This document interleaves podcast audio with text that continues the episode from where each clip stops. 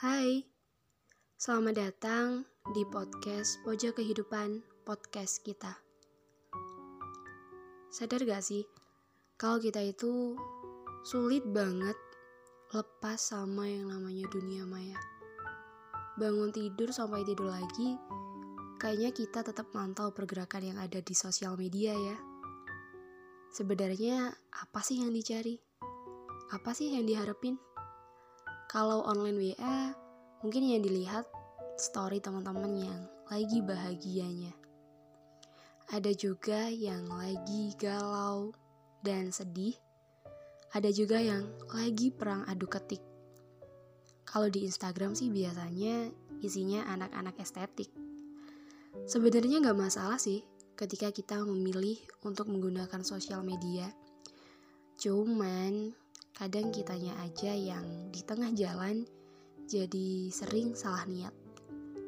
Ketika lagi down atau sedih-sedihnya, sebagian besar dari kita biasanya memilih buat nyari hiburan di sosial media. Contohnya aja nih, Instagram.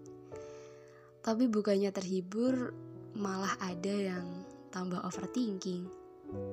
Lihat temennya buat snapgram jalan-jalan, pengen lihat temennya lagi belanja, juga pengen. Dan parahnya lagi, ketika ngeliat orang lain lagi nge-share pencapaian mereka,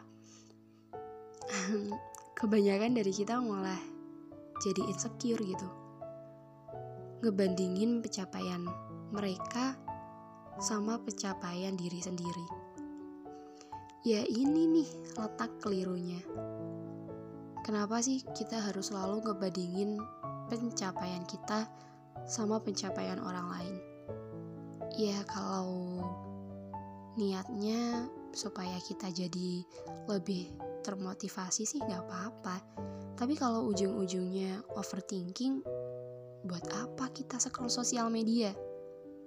Padahal kita semua tahu kan, kalau setiap orang itu punya jalan dan kapasitasnya masing-masing kita tahu kalau kita itu punya jalan kehidupan yang beda-beda.